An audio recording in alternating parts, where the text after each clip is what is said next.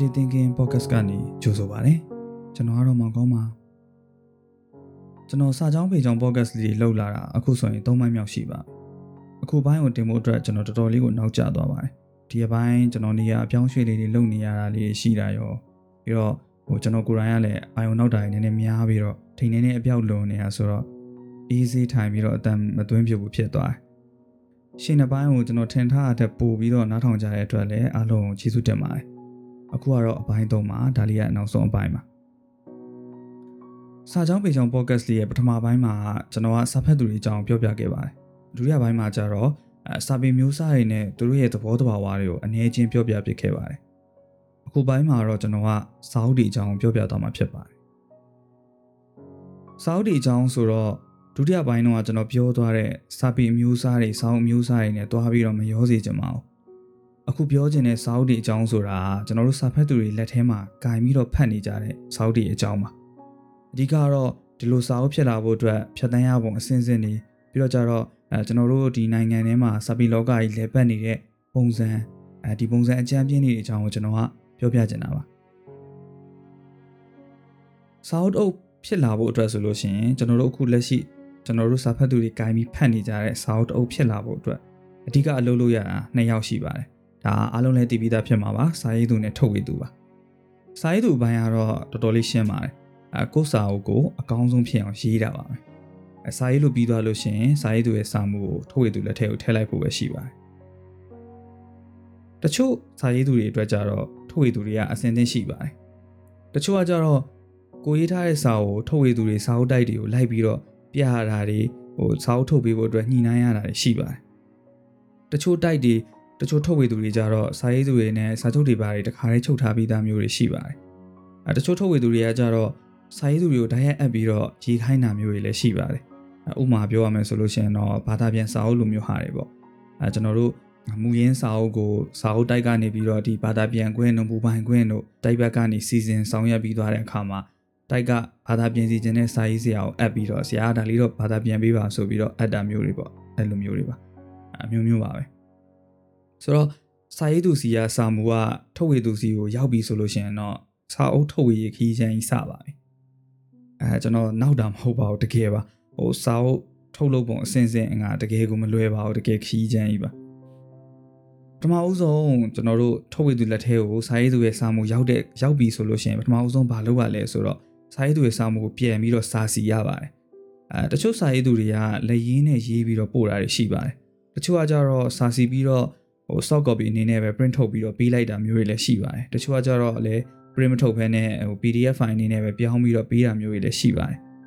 စာရေးသူကဘယ်လိုပုံစံနဲ့ပဲပေးပေးပေါ့ဒီဘက်မှာထုတ်ဝေသူဘက်မှာပြန်ပြီးတော့စာပြန်စီရတာများပါတယ်ဘာလို့လဲဆိုတော့ဟိုစာအုပ်ရဲ့ထုတ်မဲ့ site တွေစာအုပ်ရဲ့အချိုးတွေနဲ့ညီအောင်ပြီးသွားလို့ရှိရင်အဲအတွင်းစာမျက်နှာဒီဇိုင်းကအထာကျအောင်ပေါ့အဆင်ပြေအောင်ဒီစာတွေကိုပြန်ပြီးတော့အမြဲတမ်းပြန်ပြီးဆင်ရတာရှိပါတယ်ဆိုတော့အဲ့လိုကြောင်းတရားလေးတွေပေါ့ အဲ့မှာစာအုပ်အချိုးတွေအတွင်းဒီဇိုင်းတွေအဲအဲ့လိုမျိုးတွေအဆင်ပြေအောင် okay အောင်စာစီပြီးသွားပြီဆိုလို့ရှိရင်စာပြန်စစ်ရပါတယ် proof ဖတ်တယ်ခေါ်တာပေါ့တခါလေမှာအဲ့လို proof ဖတ်တာကို size ဆရာကိုယ်တိုင်ကလုပ်ပါတယ်များသောအားဖြင့်ကတော့တိုက်ကပဲသူ့ဘာသာသူ proof ဖတ်ပြီးတော့စီစဉ်လိုက်တာများပါတယ်အဲ့ဒီအချိန်တပြိုင်တည်းမှာဘာလုပ်ရလဲဆိုတော့စာအုပ်အတွက်အဖုံးဒီဇိုင်းကိုစီစဉ်ရပါတယ်ဒီကိစ္စအတွက်ကြတော့ဒီဇိုင်နာရဲ့စာရေးသူရဲ့ထုတ်ဝေသူရဲ့ပေါ့အဲသူတို့အကြိုက်လေးတွေကိုဝေပုံချခွဲပြီးတော့အဖုံဒီဇိုင်းဆွဲပါတယ်အဲ တခါလေကြတော့လေစာရေးသူကဒီလိုကိစ္စတွေကိုဝင်မပါတော့ဘဲနဲ့ထုတ်ဝေသူစိတ်ကြိုက်အကုန်လုံးဆိုပြီးတော့လွှဲထားရည်လည်းရှိပါတယ်တခါထုတ်ဝေသူကကြပြန်တော့လေအဲဒီဇိုင်နာကိုပဲအကြိုက်တာလုပ်ဆိုပြီးတော့လွတ်ထားမျိုးတွေလည်းရှိပါတယ်အဲအဲ့လိုမျိုးဒီဇိုင်နာကိုအကြိုက်လုပ်ဆိုပြီးတော့လွတ်ထားလို့လည်းပြဿနာတက်သွားတဲ့ဟာတွေလည်းအများကြီးရှိခဲ့ပါတယ်ဘယ်လိုမျိုးတွေလဲဆိုတော့အဲသူများဒီဇိုင်းကိုလိုတိုးပိုရှော့လုပ်လိုက်တာမျိုးတို့အဲနိုင်ငံခြားစာအုပ်တစ်ခုခုရဲ့ဒီဇိုင်းတွေကိုယူသုံးလိုက်တာမျိုးတို့အဲ့လိုမျိုးတွေပါ အဲဒါကြောင့်မလို့ကျွန်တော်ရှေ့မှာပြောခဲ့တာပါစာအုပ်ထွက်ဖို့ဆိုတာတကယ်ခီးချမ်းကြီးပါလို့ဒီညမှာတစ်ခုထက်ရှိသေးတာကတချို့စာအုပ်တွေမှာအမှားစာတွေပါကြတယ်တချို့စာအုပ်တွေမှာတော့မပါဘူးပေါ့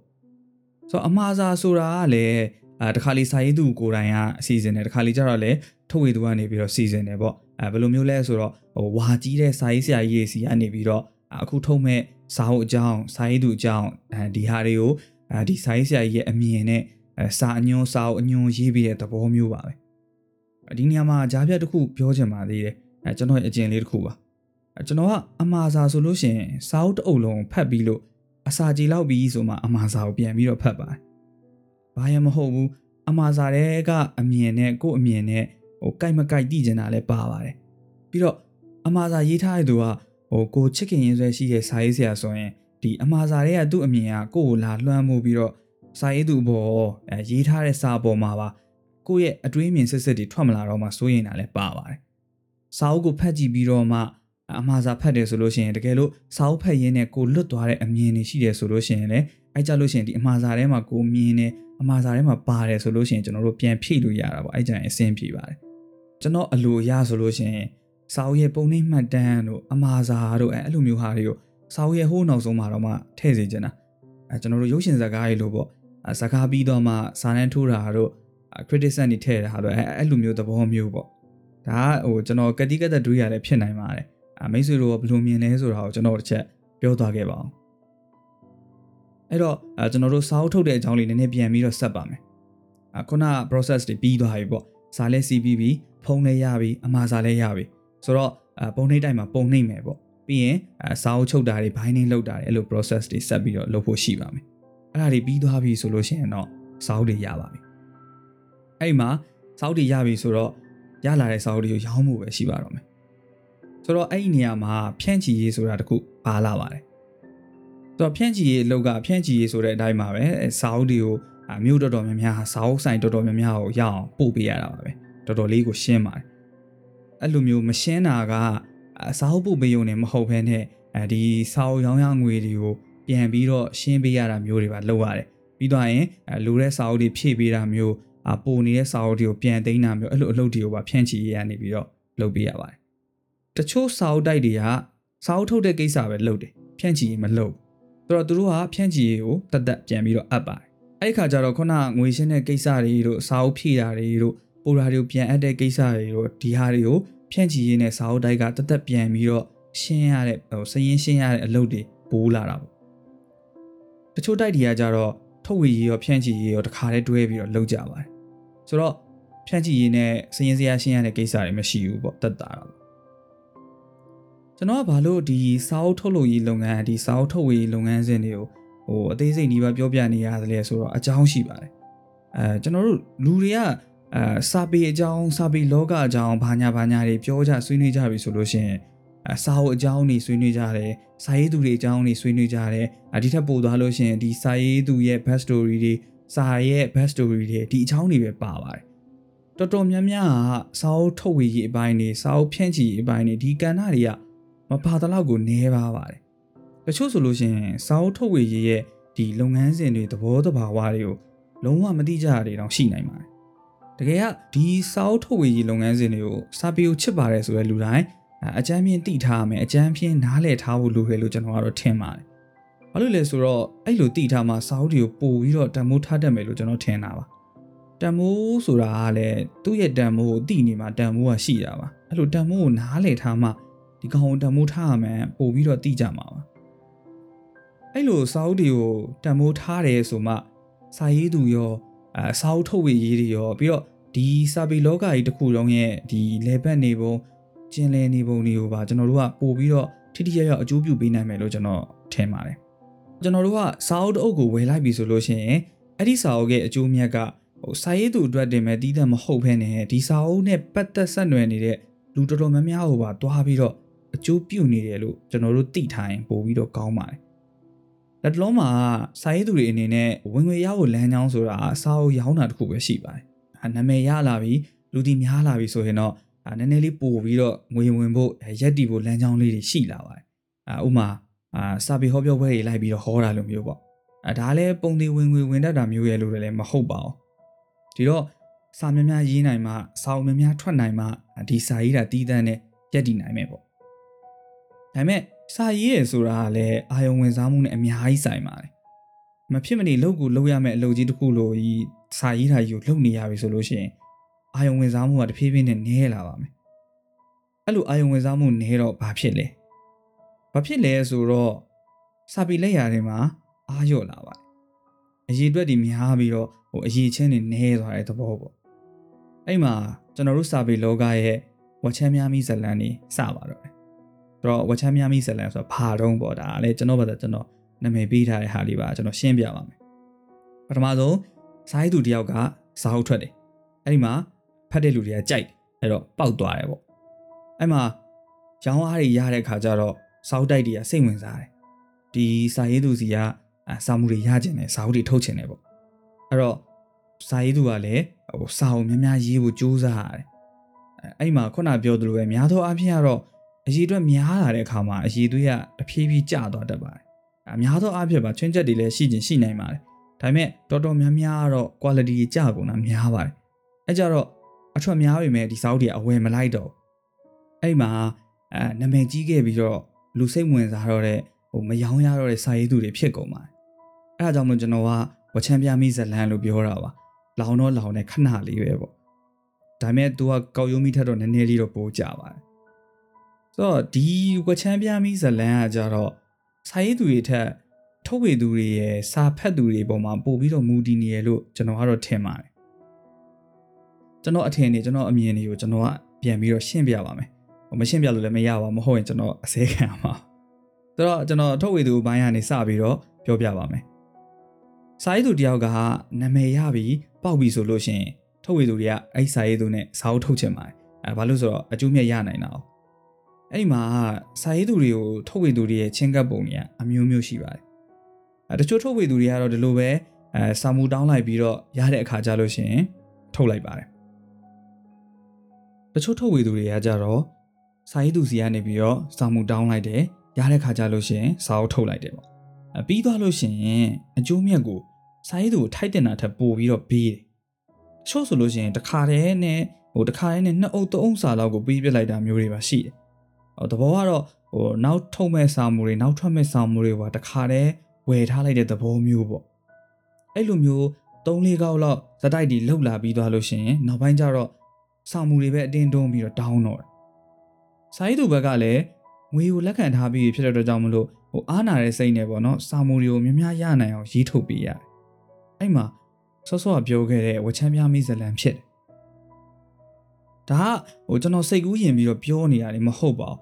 အခုနားထောင်နေတဲ့သူတွေထဲမှာလည်းဒီစာပေလောကသားတွေပါတယ်ဆိုလို့ရှိရင်ဒီလိုဇလန်မျိုးတွေကိုတစုံတစတော့ကြားဘူးကြားလိမ့်မယ်လို့ကျွန်တော်ထင်ပါတယ် ကျွန်တော်ကိုယ်တိုင်ကလည်းအရင်တော့ကတော့ဒါမျိုးတွေတော့မရှိတော့ဘူးလို့ဟိုကိုယ်တိုင်ကထင်ခဲ့ဘူးတာပါနောက်ပိုင်းကျတော့ဟိုကိုယ့်ရဲ့မိတ်ဆွေတွေကိုယ့်ရဲ့စာရေးသူတွေကအစားပေါ့နော်အဲဒီလိုကြုံခဲ့ဘူးကြောင်းလာပြီးတော့ရင်ဖွင့်ကြတဲ့အခါကျတော့မှဟိုကျွန်တော်ကိုယ်တိုင်လည်းလုံးဝ surprise ပါပဲဆိုဒီလိုမျိုးတွေပြောနေလို့ကျွန်တော်ကဟိုစာအုပ်တိုက်တွေအကုန်လုံးကိုဒီအချိုးကြီးပဲဆိုပြီးတော့ဝလုံးသိန်းပြောလို့ရှင်လည်းမဟုတ်ပါဘူးစာရေးသူဘက်ကဟိုတကယ်ကိုမျှမျှတတဖြစ်အောင်အမျှမျှတတဖြစ်တာထက်ပိုအောင်စောင့်ရှောက်ပေးတဲ့ ဟိုဆောင်ရွက်ပေးနေတဲ့စာအုပ်တိုက်တွေလည်းအများကြီးရှိပါတယ်အဲ့လိုမျိုးတွေလည်းအများကြီးပါပဲဒါပေမဲ့ဟိုဒီလိုမျိုးဟိုစာအုပ်ထုတ်ဝေရေးမှာလည်းအမောင်ဘက်ချမ်းနေရှိတယ်ဆိုတဲ့ဟာကိုသိစေချင်တာပါဒီလိုကိစ္စတွေကြောင့်မလို့တစ်ချိန်လုံးကဒိဋ္ဌိကျဲခဲ့ပြီးတော့ဟိုဒိဋ္ဌိကျဲပေါက်ခဲ့ပြီးတော့အခုချိန်ကျတော့လုံးဝမင်းမိန်သွားတဲ့စာရေးဆရာတွေကလည်းအများကြီးပါပဲမိတ်ဆွေတို့ရဲ့ခေါင်းထဲမှာလည်းအခုကျွန်တော်ရဲ့ podcast လေးကိုနားထောင်နေရင်လည်းအဲ့လိုစာရေးဆရာတွေခေါင်းထဲမှာပေါ်လာမယ်လို့ကျွန်တော်ထင်ပါတယ်အဲ ဒီလိုမျိုးကိစ္စတွေရဲ့သားကောင်ဖြစ်ခဲ့ရတဲ့စာရေးသူတွေအကြောင်းကိုထက်သိကျင်သေးတယ်ဆိုလို့ရှိရင်တော့ message box မှာတိုးတိုးတိတ်တိတ်လေးလာပြီးတော့ဆွေးနွေးလို့ရပါတယ်ဒီမှာဆက်ပြောနေရင်တော့တေချာပေါက်ဘွဲတွေစုကုန်ပါလိမ့်မယ်ဆိုတော့ကျွန်တော်ဒီကိစ္စလေးကိုဒီနားမှာနေရက်ခဲ့ပါပြီကျွန်တော်တို့စာဖတ်သူတွေအကြောင်းဆက်ပြီးတော့ပြောပါမယ်ကျွန်တော်ပြောခဲ့တဲ့ဝချမ်းပြမိဇလန်းမှာအဓိကလုံးဝတောင်းဝင်ရှိတဲ့သူတွေကစာဖတ်သူတွေပါ ဘာလို့လဲဘာကြောင့်လဲလို့မင်းအဲကျွန်တော်ကဒီနိုင်ငံမှာကြားဘူးနေကြနာမည်ကြီးစကားလေးပဲကျွန်တော်ကပြန်ပြီးတော့ပြောရမှာပါအဲလူငယ်တွေစာမဖတ်ကြပါဘူးလူငယ်တွေမှမဟုတ်ဘူးအရွယ်ဆုံးမှာစာဖတ်တဲ့ပမာဏကတဖြည်းဖြည်းနည်းလာကြပါတယ်အဲ့မှာကျွန်တော်ကိုညင်းကြပါလိမ့်မယ်လူငယ်တွေကစာဖတ်ကြတယ်ပေါ့နောက်ပြီးတော့စာအုပ်တိုက်တွေပေါ့တချို့နာမည်ကြီးစာအုပ်တိုက်တွေကစရင်ပြုစုထားတဲ့ဟာတွေရှိပါတယ်အဲစာအုပ်ဝယ်ကြတဲ့သူတွေထဲမှာယောက်ျားကဘလောက်မိန်းမကဘလောက် အသက်ဘယ်ရွယ်ကနေဘယ်ရွယ်ထိရဘလောက်ဒါမျိုးဘာညာဘာညာတွေအဲ့လိုစရင်စရာတွေထုတ်ပြန်ထားတဲ့ဟာတွေရှိပါတယ်ပြီးတော့စာအုပ်တိုက်တွေကပြောပါတယ်လူငယ်တွေစာမဖတ်ကြဘူးဆိုတာမဟုတ်ဘူးစာဖတ်ကြတယ်ဘာလို့ဆိုတော့စာအုပ်ကိုဝယ်ကြအားပေးကြတဲ့လူအများစုကလူငယ်တွေကြီးပဲဖြစ်နေလို့ပါအဲ့ဒီမှာကျွန်တော်တို့တကယ်တမ်းစဉ်းစားရမယ်မိကုန်းကစာအုပ်ဝယ်တိုင်းစာဖတ်ဖြစ်သလားဆိုတာပါပဲ အခု podcast ကိုနားထောင်ပြနေတဲ့မိတ်ဆွေတို့လည်းကိုယ့်ဘာသာကိုပြန်ပြီးတော့စဉ်းစားကြည့်ပါဦးကိုစာအုပ်စင်မှာဝယ်ထားပြီးမဖတ်ဖြစ်တဲ့စာအုပ်တွေဘလောက်တောင်ရှိနေတယ်လဲဆိုတာ哦ကျွန်တော်ကတော့ကျွန်တော်ကိုယ်တိုင်လည်းဝန်ခံပါတယ်ကျွန်တော်လည်းဝယ်ထားတဲ့စာအုပ်ကိုအကုန်မဖတ်ဖြစ်ပါဘူးကျွန်တော်စာအုပ်စင်ပေါ်မှာဖတ်ပြီးသားစာအုပ်တွေဆိုတာကစာအုပ်စင်ရဲ့80ရာခိုင်နှုန်းလောက်ပဲရှိမယ်လို့ကျွန်တော်ထင်ပါတယ်ကျန်တဲ့30ရာခိုင်နှုန်းလောက်ကကျွန်တော်ဝယ်ထားပြီးတော့မဖတ်ဖြစ်တဲ့စာအုပ်တွေပါဆိုတော့ဒီနောက်ပိုင်းမှာ စာအုပ်ဝယ်တဲ့ဝါသနာအတက်တက်စာအုပ်ဖတ်တဲ့ဝါသနာအတက်တက်ဆိုပြီးတီးတန့်စီဖြစ်လာပါတယ်လူတွေကဝယ်ပြီးသမျှကိုအကုန်မဖတ်ဖြစ်ပါဘူးစာအုပ်ရောင်းအောင်မူတည်ပြီးတော့စာဖတ်အားတွေကြမသွားဘူးဆိုတော့ကောက်ချက်မျိုးကိုဆွဲလို့တော့မရပါဘူးဒါပေမဲ့ဟိုမဖတ်ဖြစ်ပေမဲ့ဝယ်တော့ဝယ်နေတာပဲပေါ့ဒီတော့စာရေးသူတွေစာအုပ်တိုက်တွေအတွက်အထောက်ပံ့နေဖြစ်တာပဲဆိုလို့ရှိရင်အဲဒါမျိုးတွေပြောလာတယ်ဆိုရင်ကျွန်တော်တို့ကရေရှည်အတွက်ကိုပြန်ပြီးတော့ကြည့်ကြည့်ရပါမယ်ဟို မဖတ်ဖြစ်ပဲနဲ့ဝယ်နေတာကြည့်ပဲများလာတဲ့ခါကျရင်နောက်ပိုင်းကျလို့ရှိရင်ကျွန်တော်တို့ကတွေးမိလာတယ်။ဘာလဲဆိုတော့အော်ငါမှမဖက်ဖြစ်တာတွေတအားများနေပြီငါအစ်စ်ဝယ်တာတွေရှုံးမှဆိုတာမျိုးတွေတွေးမိလာကြပါတယ်။အမိတ်ဆွေကိုလည်းဒီလိုမျိုးပဲတွေးမိကြမယ်လို့ထင်ပါတယ်။ဒီတော့ဟိုမဖက်ဖဲအဝယ်များနေတာကကြာလာတော့စာအုပ်ဝယ်ယူမှုနှုန်းကိုတဖြည်းဖြည်းနဲ့ကျသွားစေပါတယ်။အဲ့ဒီမှာခုနပြောတဲ့ဝချမ်းများမိဇလန်ကိုသွားပြီးတော့ညှိတဲ့အပိုင်းမှာဒါကတော့နောက်ပြီးတော့ကျွန်တော်တို့ပြည်တွင်းမှာ စာပေဒီစာအုပ်တွေကိုဝယ်ယူမှုနှုန်းကတအားကိုနေပါတယ်။စာအုပ်တို့အစ်စ်ထုတ်လို့အုပ်ရည်တစ်ထောင်ရိုက်ထားရင်ဖြစ်ဖြစ်မြည်နေအောင်ရောင်းယူရပါတယ်။အဲတလောကတအားကိုနာမည်ကြီးပြီးတော့အယောင်များပါတယ်ဆိုတော့အဲအကုန်လုံးနဲ့တိကျဒီတကိုင်းစော့ရန်ကုန်ပေါ့။အဲ့ဒီစာအုပ်အယောင်များပါတယ်ဆိုတော့စာအုပ်ကအုပ်ရည်တောင်းကနန်းပဲရောင်းပါတယ်။ဒီတော့ကျွန်တော်နိုင်ငံလူရည်အချိုးနဲ့ရှင်းကြည့်ရော။တကောင်စီရင်အရဆိုရင်လူရည်54တန်းရှိတယ်။ အစွန်းထွက်လူကြီး၄တန်းလောက်ပဲစာဖတ်တယ်ထားအောင်များအဲ့ဒီ၄တန်းနေရာမှာဟိုစာအုပ်တအုပ်ကိုလူကြီး၄သိန်းလောက်ပဲစာအုပ်ဝယ်ဦးများစာအုပ်တိုက်တွေအတွက်ကောစာရေးသူအတွက်ကောအရန်အဆင်ပြေတောင်းကနန်းလောက်ထုတ်ရတဲ့ဒီတကိုင်းစော့ရန်ကုန်စာအုပ်ရဲ့စာရေးသူတော်မှာဟိုစာအုပ်ထွက်ပြီးတော့ကိုပိုင်တိုက်ခန်းလေးတစ်ခုအဖက်တင်ကြံခဲ့တယ်ဆိုပြီးတော့ကျွန်တော်တို့သိလိုက်ရဒါတကယ်ကိုမူရီတာဘွားရတယ်တကယ်လေးဝမ်းသာတယ်ခုနတွက်ပြသလို စာအုပ်တအုပ်ကိုလူကြီးလူကြီးတိန်းကနန်းလောက်တော့ဝယ်ကြည့်လိုက်စာရေးသူရောထုတ်ဝေသူရောပို့ပြီးတော့အဆင်မပြေနိုင်ဘူးလားစာတအုပ်ရေးပြီးတော့ဟိုတစ်နှစ်လုံးထိုင်စားနေလို့ရရဲဆိုတာတွေကဟိုစိတ်ကူးရင်မဟုတ်ဘူးတကယ်ကိုဖြစ်နိုင်တယ်အဲ့ဒီခါကြလို့ရှိရင်စာရေးသူကလည်းကိုယ်စာမှုများများထွက်မှကိုယ်စာမှုတွေကစာအုပ်များများဖြစ်မှစာအုပ်များများထွက်မှငွေများများဝင်မယ်ဆိုတာမျိုးမဟုတ်တော့အဲ့ခါကျတော့ထွက်သမျှစာမှုရဲ့ quality ကို share တပြီးတော့ရေးလို့ရမယ် အဲ့ဒါကြောင့်မလို့ကျွန်တော်ပြောတာပါစာဖတ်သူတွေဘက်ကအားထုတ်မှုတော်တော်လေးလိုနေသေးတယ်ဆိုတာနောက်ပြီးတော့အဲ့လိုစာအုပ်ရောင်းအားတွေနဲလာတာဒီစာအုပ်အငှားဆိုင်တွေနဲလာတာပြီးတော့စာကြည့်တဲ့ယဉ်ကျေးမှုတွေကောင်းကောင်းကြီးမဖြစ်ထွန်းသေးတာကြောင့်လည်းပါမယ်လို့ထင်ပါတယ်ဒါတွေကလည်းခုနပြောတဲ့စာအုပ်ဝယ်ပြီးတော့စာမဖတ်ဖြစ်တဲ့ကိစ္စကြီးနဲ့တော်တော်ကြီးပတ်သက်နေမယ်လို့ထင်ပါတယ်အရင်တော့ကျွန်တော်တို့ကစာဖတ်ဖို့ပဲအားတန်တာစာဖတ်ဖို့ပဲအားတန်တဲ့အတွက်ကြောင့်မလို့ကျွန်တော်တို့ဖတ်ချင်တဲ့စာအုပ်တွေကို စာအုပ်အငှားဆိုင်ကနေပဲအားကိုးပြီးတော့ဖတ်ခဲ့တယ်စာအုပ်အငှားဆိုင်ကနေပဲငှားပြီးတော့ဖတ်ခဲ့တယ်အခုကကြတော့ကျွန်တော်တို့က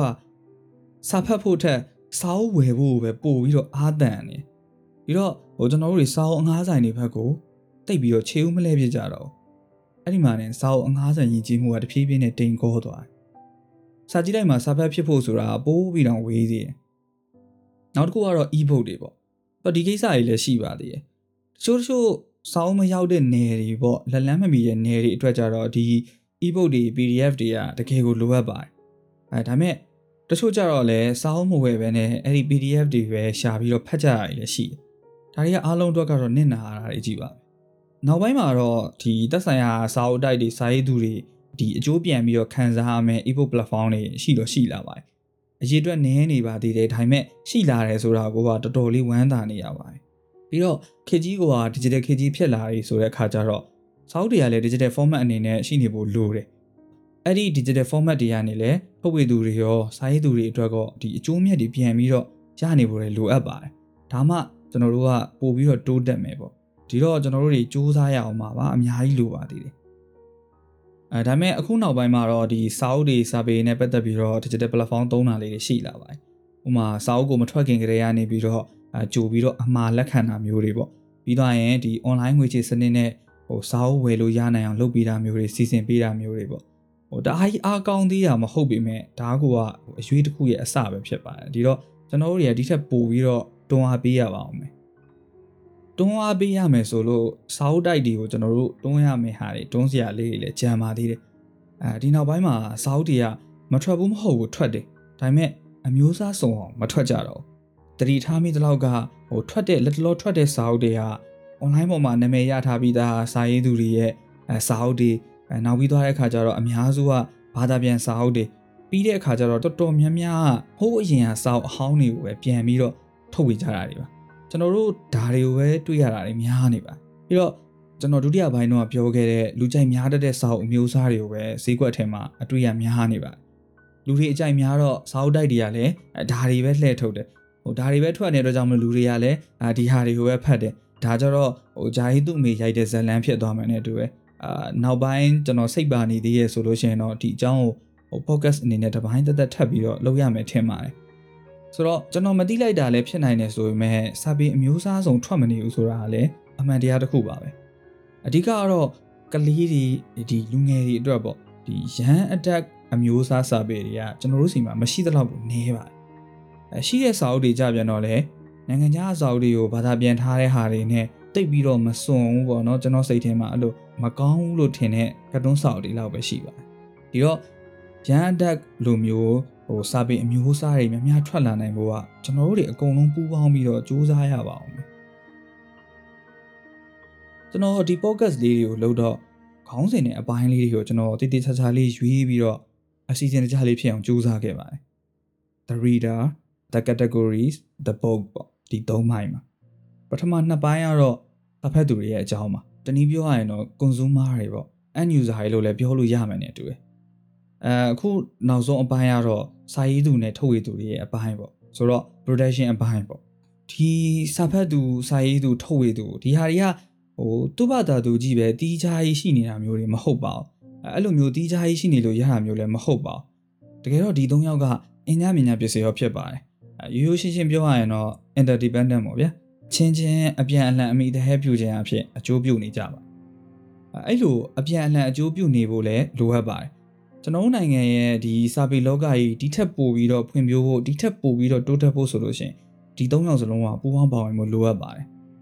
အခုလိုကာလမျိုးဘယ်ရာကိုမှအာမခံချက်မပေးနိုင်တော့တဲ့ဒီလိုကာလမျိုးမှာဆိုလို့ရှိရင်ပို့ပြီးတော့မှပူးပေါင်းကြရပါအောင်မယ်ပို့ပြီးတော့ညီညွတ်ကြရပါလိမ့်မယ် ကျွန်တော်တို့ရဲ့ဖိုးဖွားတွေကျွန်တော်တို့ရဲ့ရှင့်မျိုးဆက်တွေကဒီထက်ခက်ခဲတဲ့အချိန်ကာလတွေကိုကြံ့ကြံ့ခံပြီးပူပေါင်းရင်ဆိုင်ခဲ့ကြပြီးတော့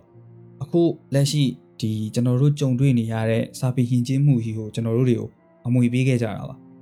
ဆိုတော့ဒီအစင်လာတွေဒီယဉ်ကျေးမှုတွေကိုကျွန်တော်တို့အနေနဲ့ဆက်လက်စောင့်ရှောက်သွားကြရမယ်ပြီးတော့ပိုကောင်းတဲ့စာပေယဉ်ကျေးမှုတွေကိုကျွန်တော်တို့နောက်လာမဲ့ကျွန်တော်တို့ရဲ့နောင်မျိုးဆက်တွေကိုလက်ဆင့်ကမ်းပေးနိုင်ဖို့အတွက်ကျွန်တော်တို့တွေကြိုးစားရပါမယ် ဒီတာဝန်တွေအကုန်လုံးကလက်ရှိမှာကျွန်တော်တို့အားလုံးရဲ့တာဝန်တွေဖြစ်နေပါပြီကျွန်တော်တို့တွေကအခုလက်ရှိကြုံနေရတဲ့အခက်အခဲတွေကိုရင်ဆိုင်နေရင်းနဲ့ဒီတာဝန်တွေကိုလည်းတတိချာချာထမ်းဆောင်ကြဖို့တကယ်ကိုအရေးတကြီးလိုအပ်နေပါတယ်ကျွန်တော်ရဲ့စာကြောင်းပေကြောင်း podcast series လေးကတော့ဒီမှာပဲဆုံးခန်းထိုင်ပါပြီ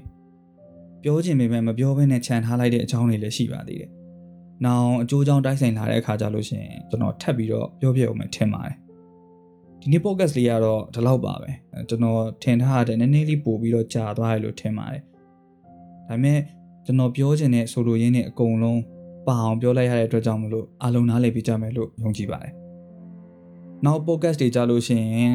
စနေနေ့တိုင်းပုံမှန်ပြန်တင်နိုင်ဖို့ကျွန်တော်ကြိုးစားပါမယ်။ဂရုတစိုက်နားထောင်ပေးခဲ့ကြတဲ့အတွက်အားလုံးအထူးကျေးဇူးတင်ရှိပါတယ်ခင်ဗျာအားလုံးပဲ have a good day ပါကျမကြီးကိုအထူးပြုစိုက်ကြပါခင်ဗျာတတာ